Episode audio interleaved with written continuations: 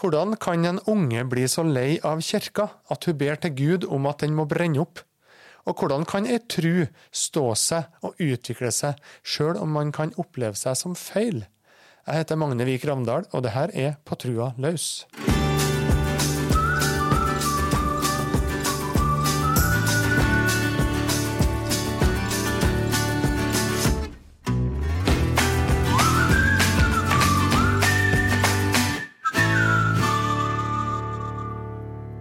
Anne Grete Kjølsvik, hei til deg. Hallo, Magne. Du, Veldig flott å ha deg med i podkasten. Altså. Det er jo din historie som har i seg denne jenta som ba om at kirka måtte brenne opp før neste gudstjeneste. Hvorfor gjorde du det? Eh, jeg følte meg nok aldri sett eller heim der, og jeg fikk heller ikke et valg om å komme til kirka. Jeg mm. måtte dit. Og jeg var nok laga sånn allerede da, og er det fremdeles at jeg vil bestemme sjøl. Vi skal bli mer kjent med historien din, eh, Anne Grete. Eh, du vokste opp på en ganske stor gård i eh, Skogn. Tre søsken. Nest yngst. Hva var det som karakteriserte heimen deres? Når jeg ser tilbake, så er jeg enormt stolt over heimen jeg vokste opp i. For der var det mye folk og åpent, veldig gjestfritt. Mm. Har veldig gavmilde, rause, gode foreldre mm. som raska med seg folk fra hvert hjørne. Gjestfrihet, hva var de viktigste verdiene? Eh, jeg tror det må være eh, likeverd. Mm. At eh, alle mennesker Det var tydelig for meg som vokste opp, at alle andre er òg like verdifulle som det vi er. Mm. Derfor så var døra åpen. Mm. mm. På trua løs, Anne Grete, hvor viktig var tru i oppveksten din? Eh, som unge så fløyt jeg vel på mine foreldres uh, tydelige og trygge tru. Mm. Jeg har ikke noe bilde av når trua mi liksom kom inn i livet mitt, men uh, For det var en familie som var aktiv på kirke og i bedehus? Veldig. Mm. De var veldig sosiale, sånn at det var et stort nettverk, og det nettverket var hovedsakelig i indremisjonsforeninger liksom, ja, og i kirka. Mm. Så det var der vi var. Mm. Mm. Du var litt inne på det i starten, her, at det var ikke nødvendigvis sånn at du opplevde deg hjemme der. Hva var det med, med trua der som, som, gjorde deg fremmed? Jeg tror det var at det ble eh, for meg som lita veit et så stort skille mellom det som foregikk i kirka og på bedehuset, og heim. Mm. For jeg levde i en sosial og artig heim med mye folk. Eh, og stor frihet, mye mm. glede. Mm. Og så ble eh, min opplevelse på bedehus og i kirke veldig sånn Det var alvorlig og tungt og strengt. og eh, Jeg følte meg veldig fremmed der. Mm. Jeg skjønte ikke hvorfor voksne fikk så annet ansikt, tror jeg. Mm. Mm. Hva gjorde du med det? Hva, hvordan eh, håndterte du det? At du var Ja, du har sagt at du opplevde deg feil. Jeg følte meg veldig feil. Mm. Jeg følte For det første så tror jeg jeg følte at uh, de ikke var nysgjerrig på hvem jeg var, eller hva jeg trodde og mente. At jeg måtte bare sitte der og se på denne her for meg forestillinga som jeg ikke skjønte. Og trua mi krasja vel òg voldsomt med det som ble formidla. Det var en Jeg følte som barn at det var en streng gud med veldig mange ikke-regler. Og jeg var veldig sint. Jeg var i en protest, føler jeg, mot dette her At de ramma inn trua. Ramma inn Gud, da. Mm. Og min Gud var mye større enn det. Mm. Hva gjorde du med det? Jeg var sint. Mm. og de som kjente meg og var glad i meg eh, som unge, de trodde ikke jeg kunne ha gjetta det. For Nei. jeg var så forsiktig og snill. Men jeg hadde en voldsom protest inni meg mot, mot dette Jeg kan ikke kalle det tvang, men en slags tvang. Mm. At jeg måtte være der. Måtte ta på denne fine søndagskjolen og sitte fint. Og ta imot de her ordene jeg ikke var enig i. Mm. Så jeg protesterte med å være sint på mor og far, da. Mm. Jeg ville jo absolutt ikke være med. Mm. Og for dem så var sikkert det ganske frustrerende, for det var jo ren kjærlighet. De ville at ungen deres skulle få ta del i det aller viktigste i livet sitt. Da. Mm. Du fortalte jo at du kunne sitte og be, om at, be til Gud om at eh, kirka måtte brenne, så du slapp å gå dit. Men hadde du noen gang behov for å vende alt det her totalt ryggen? Det er jo kjemperart at jeg ikke hadde behovet, mm. men jeg hadde behovet for å vende eh, dem ryggen. Mm. Ikke foreldrene mine, kanskje, men miljøet og kirka. og så det var jo en grunn til at jeg ville at kirka skulle brenne. Mm. Jeg syntes det var fælt å være der. Sånn at uh, jeg jobba nok hele barndommen og ungdomstida med å bli kvitt dette her i sånn konkret i livet mitt. Men det gjaldt ikke trua. Nei. Den var djup og, djup og trygg. Jeg Fortell litt om det. Hvordan tru vokste fram hos deg midt oppi alt det her sinte og fremmede? og det sinte og fremmede, eller det sinte, det gikk på at jeg var sint på folk. Mm. Jeg skjønte på en måte hvor sinnet mitt hadde retning. Jeg var sint på eh, de her eh, dresskledde herrene som sto på prekestolen og snakka veldig alvorlig og med et fremmed språk om en gud jeg ikke, ikke trodde på. Mm.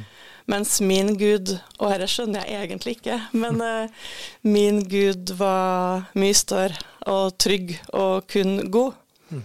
Og dette syns jeg er ganske rart å tenke på, for jeg har jo mange venner som, som har hatt det mye vanskeligere enn meg i forhold til trua si etter samme oppvekst.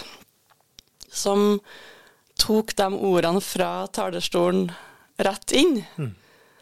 Og da fikk jo dem mye mer trøbbel med sitt gudsbilde enn det jeg gjorde. Så jeg har vært kjempeheldig, føler jeg. Hva tror du det handler om? Ja, Dette syns jeg er rart, fordi jeg var ikke trygg. Jeg var en forsiktig unge. Mm. Så at jeg hadde den trygge trua. Jeg lurer på om det må handle om uh, livet utafor. At, at jeg har toucha noe som mor og far og storfamilie og venner har levd ut, da. Mm. At jeg på en måte skjønte at det er den guden de lever etter på et vis, da, som mm. jeg tar inn. Hvilken gud var det? Det var en kjærlig, raus gud mm. som hadde rom for alle. Mm. Ja. Mm. Ja, for i stedet for å vende det her ryggen, da, som noen sikkert kunne ha tenkt seg at det er nærliggende, så for du som 19-åring eh, til en bibelskole på Sørlandet. Hvorfor det? Jeg tror det var kun en sånn klar forventning fra foreldre. Mm. Og er meget gode foreldre. Men eh, jeg gjorde vel som storebror, da. For han har gått der allerede? Han har gått der og mm. elska det. Mm. Um, så jeg kom til bibelskole. Det er egentlig ironisk når jeg drev og slåss så veldig mot Ja, for Man kan jo tenke seg, i hvert fall litt sånn utafra sett, at bibelskole på Sørlandet høres enda trangere ut. Ja. Det, det var jo det. Mm. Eh, men så ble det så fint òg. Ja. Hva ble fint? Det var fint fordi jeg møtte kloke mennesker som skjønte prosessen jeg var i. Mm. Så det ble trangere fordi det var enda flere ikke-regler og rammer der enn jeg var vant til. Men jeg hadde det på en måte litt vanskelig mm. med å finne ut hvem jeg sjøl var.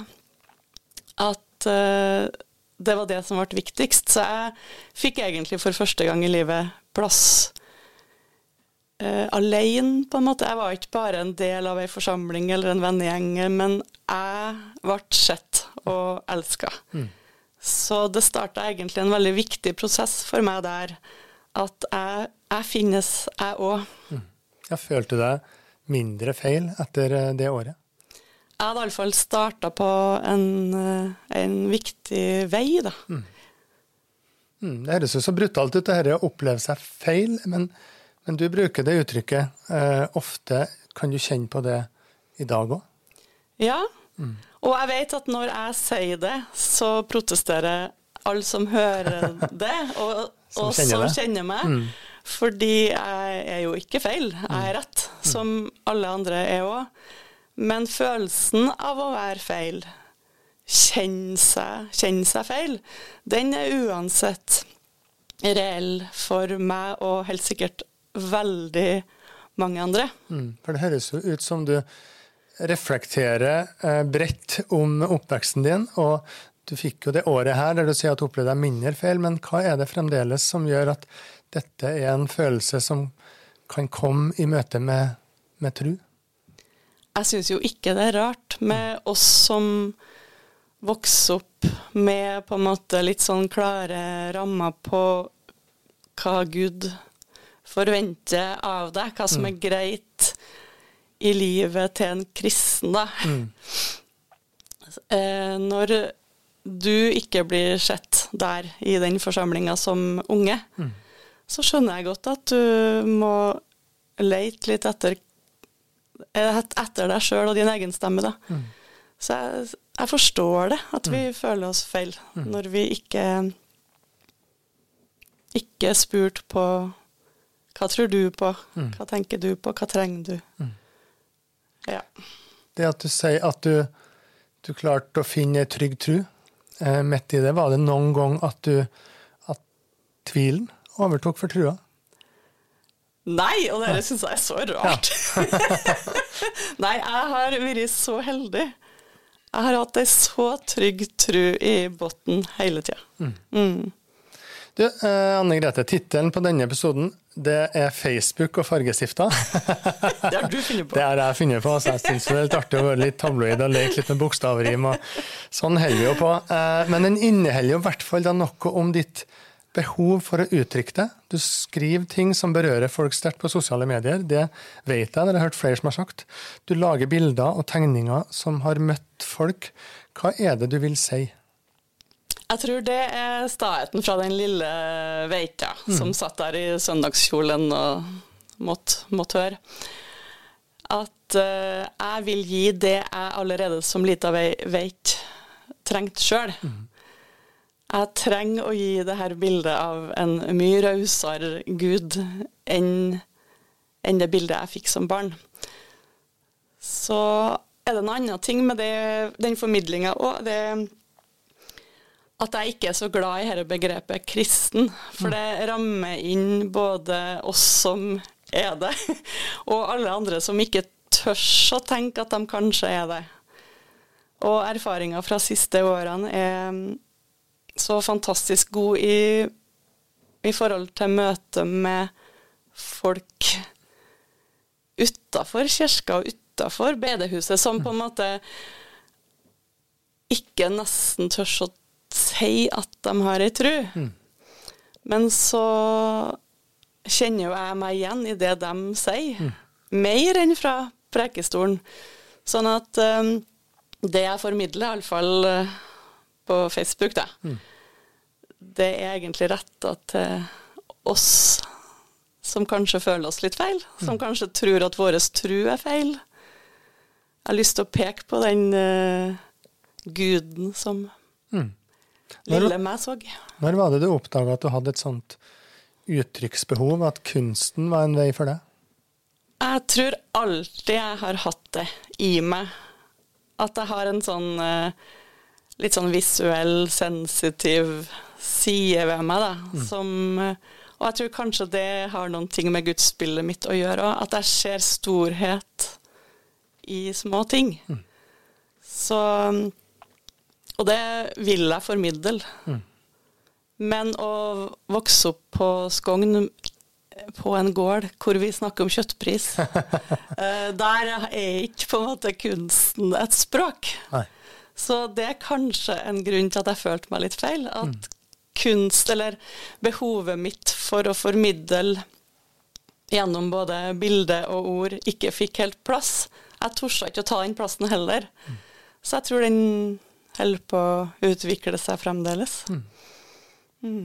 Det gudsbildet snakker du om, og tru Jeg har lyst til å hente fram en, eh, en opplevelse som du har fortalt meg om. fordi at historia di, da, hvis vi går tilbake til den, så går den videre fra Sørlandet og lærerstudier der til jobb i Nord-Norge.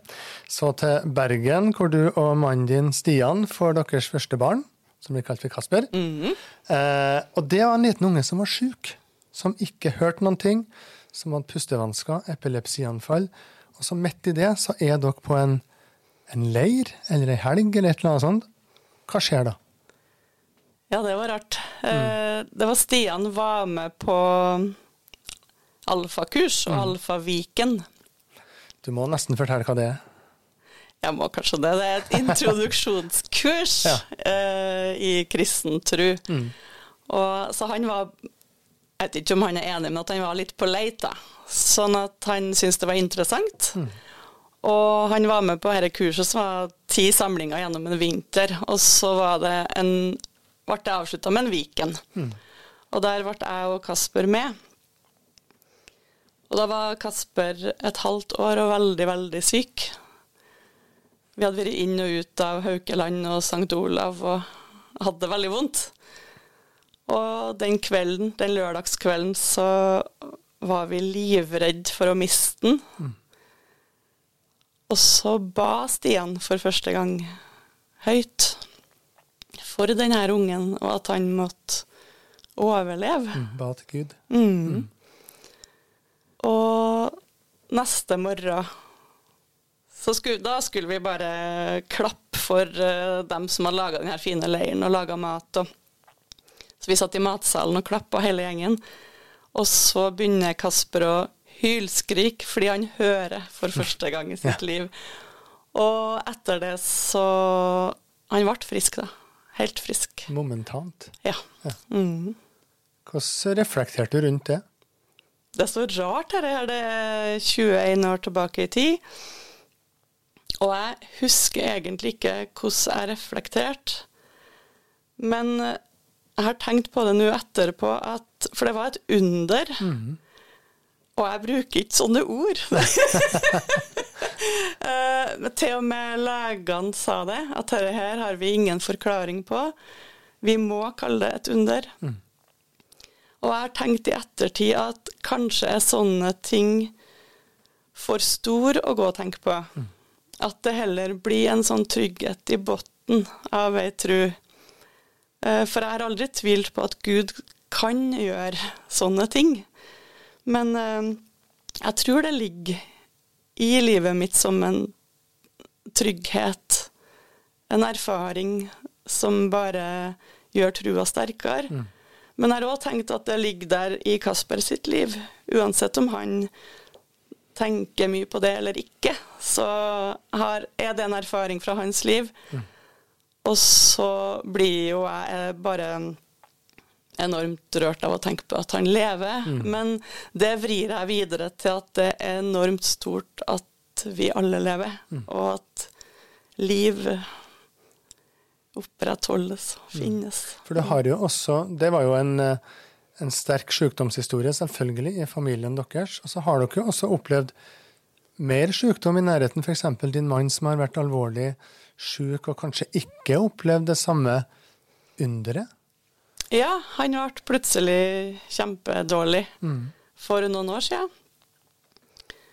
Eh, og da han fikk en uhelbredelig betennelse i levra, sånn at han eh, fikk beskjed om at den må transplanteres. Og vi er jo heldige som bor i Norge, hvor vi får hjelp. Men han ble mye sykere enn enn det han og vi tenkte på forhånd, og det gikk mye fortere enn vi liksom hadde fått blitt forespeila.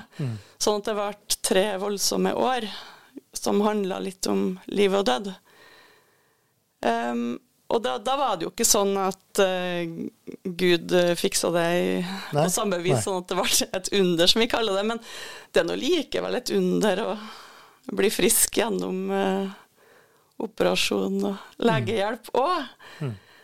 Men uh, i det òg så hadde, hadde vi og jeg da en ro på at livet er sånn. Det er liv og død, det er sykdom. Det er, vi skal ikke late som at det ikke fins. Og nå er det i vårt hus, og det går bra, sjøl om det er vondt. Men er trua di like trygg i møte med alt det her, og i møte med, en, med det som i ene tilfellet blir løst på mirakuløst vis, og i andre tilfellet kan virke som at det ikke gripes inn da, på samme måte? Trua mi er like trygg, ja.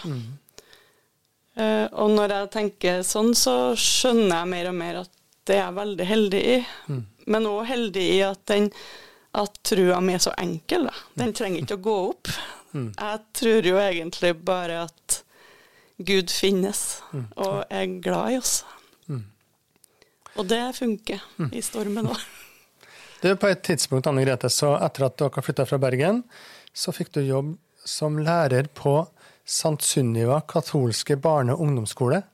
Eh, midt i Oslo. Mange har sikkert sett den, eh, den eh, skolen. Eh, en katolsk hverdag. Kirke på skoleområdet. Messe, skriftemål, korsing. Hvordan opplevde du det? Nå smiler jeg helt rundt, for jeg elska det. Ser du det? Det var fantastisk og helt nytt. Ja. Jeg hadde vel bare vært inn i katolske kirka på ferietur. Eh, Så alt var fremmed. Men jeg, når jeg kom dit, så hadde jeg jo egentlig slåss litt mot eh, alle kirker jeg hadde vært inne i. Eh, så når jeg kom inn i den her eh, kirka i skolen, for der har de kirke midt i skolen sin, så ble jeg liksom slått i bakken av en ro og en hellighet eller stillhet jeg kom hjem med. Mm. Hva var det du fant der? Jeg tror jeg fant Gud. Hvordan, hvordan framsto han der? Det var veldig trygt.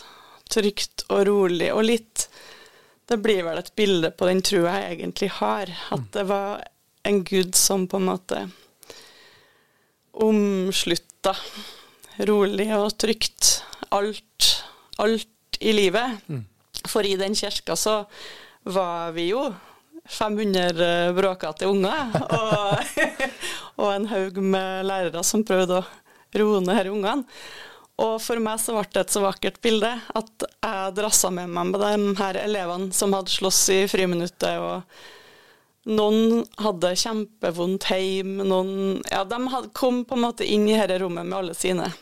Du møtte folk fra alle samfunnslag. Ja, og det var rom for oss i lag, på en måte om, omringa eller eh, omkransa av en trygg gud. Da. Og bildet ble veldig sterkt for meg.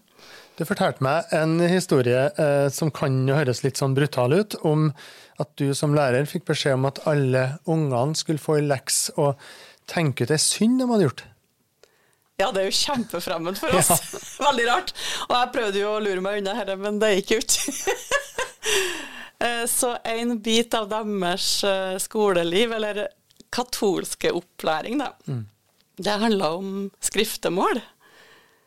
Og det er jo veldig fremmed for oss som er utafor katolske kirker. Og jeg syns det var helt forferdelig at de her søte, små ungene mine skulle kjenne på hva de hadde gjort galt.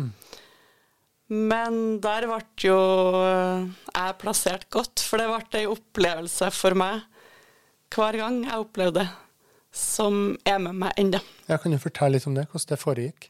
Ja. Da kom jo de her eh, søte små med lappen sin i handa på det de hadde gjort galt, Mm. Om noen har vært eh, frekk med pappa, eller tatt godteri fra skuffen når det var onsdag, eller Og så satt vi i kirka og venta i tur og orden, og en og en unge skulle gå til presten og legge fram den her synda. Og det var da jeg så hva som skjedde. For de ble jo tilgitt i Jesu navn. Og når de kom gående til meg, eller dansende til meg, så var blikket deres De var liksom helt reine, dem. Og det, den opplevelsen har jeg sjøl aldri hatt. Så det var så utrolig vakkert å se hva det betydde for dem å bli på en måte rensa, da. Så herre har jeg egentlig veldig mange år etterpå tenkt at herre må vi snakke mer om. Men hvorfor tror du det? Altså Budskapet om tilgivelse for synder er jo en sånn Det, henger, det ligger jo i alle deler av den kristne tru. Men hvorfor ble denne praksisen så annerledes for deg? Jeg tror det er noe fint med å, å si ordene. Eh, ikke bare liksom eh, si den her synsbekjennelsen som et rim eller ja, i kirka, men at eh, jeg må fortelle deg, og du tar meg på alvor, hva jeg har gjort. Jeg tror det løser opp i veldig mye sånn skam og vonde hemmeligheter, mm. som gjør at de fikk en helt annen frihet. Og vi flira alltid av det her fordi friminuttene etterpå var så annerledes. For de, det tok jo ikke lang tid da, Magne, før de, før de sloss igjen. Men uh, jeg tror det virker inn på oss. Ja. ja. Å kjenne at uh, Gud elsker meg mm. og tilgir meg jammen òg, mm. når jeg har uh, lagt det fram for ham. Mm. Etter Oslo så flytta dere faktisk hjem til Skogn, der du er vokst opp. Og du har fortalt meg at på et tidspunkt der så kom det over et blad, det var vel et slags misjonsblad, som skrev om en mann og hans behov for stillhet. Hva betydde det for deg? Ja, det var rart. Mm. Eh, det var et blad som min snille mor hadde uh, tvingt på meg. et abonnement, er veldig grei. og så satt jeg der og leste om denne mannen som på si reise fant ut, eller fikk hjelp av en munk, tror jeg, med å plassere trua si i det kontemplative. At han var en mann som trengte stillhet. For, for kontemplativt å, handler om det? Ja. Mm. Den derre uh, Du kan jo på en måte koble mot uh, retreat og mm litt meditasjon, kanskje, og pilegrimstur og det stille, da. Mm. Det ordløse. Mm. At det var der han på en måte fant Gud, at han hadde behov for, behov for den stillheten. Mm. Hva gjorde det med deg, å lese det der? Ja, det var kjemperart. Jeg skriker jo mye, men da Da rant tårene uten at jeg skjønte hva som skjedde. Ja. Hvorfor det, tror du? Fordi jeg leste jo om meg sjøl. Mm. Og i, mi, i, mitt liv, min oppvekst og ungdom og voksenlivet òg, så har det jo vært mye folk. Det, jeg har jo alltid folk rundt meg. Og i, i alle sammenhenger, både jobb og ja, i kirke og vennskap, så det har jo ikke akkurat vært kontemplativt, hvis det går an å si det. Sånn at uh, jeg hadde ikke fått kjent på dette. Jeg hadde bare kjent uro i forhold til at jeg ikke passa inn, at mm. jeg var feil da. Og så plutselig falt det på en måte på plass en brikke i at her er jo meg, jeg trenger stillhet, jeg. Mm. Hva gjorde du med det? Um, jeg skjønte at jeg måtte gjøre noe med det. Uh, da hadde jeg jo flytta hjem, og hjem kjenner jo jeg alle, alle prester. Mm. Dem er jeg jo i slekt med. Så, sånn at jeg tok kontakt med Kjartan Bergsli, som òg har vært her på podkasten. Mm. Eh, kun fordi jeg ikke kjente den. Og så skrev jeg til han en mail og forklarte at jeg hadde lest den artikkelen, og at, at jeg ville Jeg spurte han helt sånn konkret kan du låse meg inn i ei kirke, for jeg må sitte der helt alene. Mm. Og så skjønte jo han med en gang hva jeg holdt på med, så han eh, Da ble det mange samtaler med Kjartan mm. som rydda opp veldig i livet mitt. Mm. Mm. Hvor, hvor, viktig har det her med stillhet blitt for deg etter den opplevelsen der? Og den prosessen der? Det har blitt kjempeviktig, kanskje mm. mest fordi jeg skjønner at uh, herre er et behov jeg har Uh, jeg blir litt mindre feil, da, som sagt. Mm. Og at jeg vet uh, hva jeg trenger i Det handler jo ikke bare om uh, tru, det handler jo på en måte om livet generelt. At jeg trenger stillhet. Og da, da er det for meg veldig godt å være alene ute i skogen. Mm. Eller det blir litt det samme som å sitte i kirka alene, da. Mm. Men uh, jeg skal ikke gå så mange meter inn i en skog før jeg kjenner meg fredfull, og at jeg, Jeg går ikke og tenker at jeg senser Gud, men jeg gjør det. Og så har du da eh, begynt å jobbe i kirka. Eh, jobbe som menighetspedagog, barne- og ungdomsarbeid. Eh, alle disse erfaringene som du har fortalt om helt fra oppveksten, det å kjenne seg feil, som du sa, det å møte andre uttrykk for tru, det å møte gudsbilder på ulikt eh, vis, det å lande i stillheten. Eh, hvordan tar du med deg det inn i møte med unger og ungdommer på Innherred? Ja, så nå er jeg jo i kirka som ikke brant ned. Det er veldig bra. eh, og jeg tror jeg gjør det samme som jeg gjør som lærer. At jeg, jeg lager på en måte det rommet som jeg sjøl hadde trengt. Jeg tar bort rammene, og så åpner jeg opp for de her livene som kommer. Hva gjør du da? Um, her har vært en litt sånn vanskelig prosess, mm. fordi jeg er jo sånn som mange andre tryggest når jeg er flink. Alltid vært opptatt av å forstå og mm. lese, og jeg skal liksom skjønne alt. Jeg skal ikke si noe dumt. Jeg skal, jeg skal være flink, for da liker folk meg. Og så gjør jeg det motsatte nå, da. Mm. Jeg slåss litt igjen. Uh, plukker ned litt.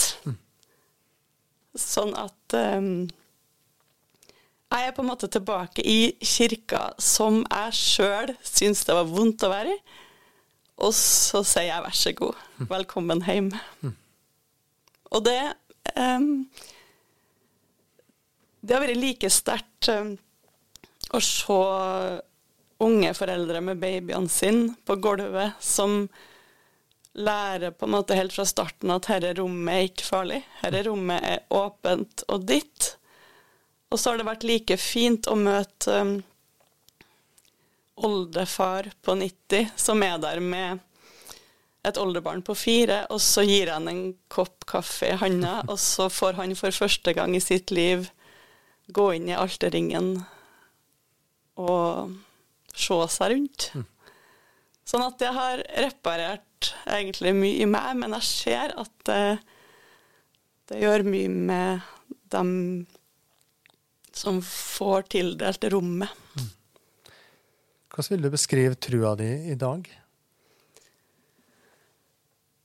Dette syns jeg er så vanskelig. um, det er sikkert den samme trua som jeg har hatt hele livet. Eh, og den er enormt enkel, da. Jeg tror jo på Gud, mm. at han fins og er glad i meg. Og så har jeg med meg mor og far sine verdier i det, og jeg skjønner, skjønner hva jeg har vokst opp i, og ser storheten i det. Fordi grunnen til at de åpner døra, er jo at de tror på en Gud som elsker seg sjøl, men òg alle andre. Mm. Og da, da åpner vi den døra. Mm. Anne Grete Kjelsvik, tusen takk for at du deler i podkasten. Takk for at jeg fikk komme.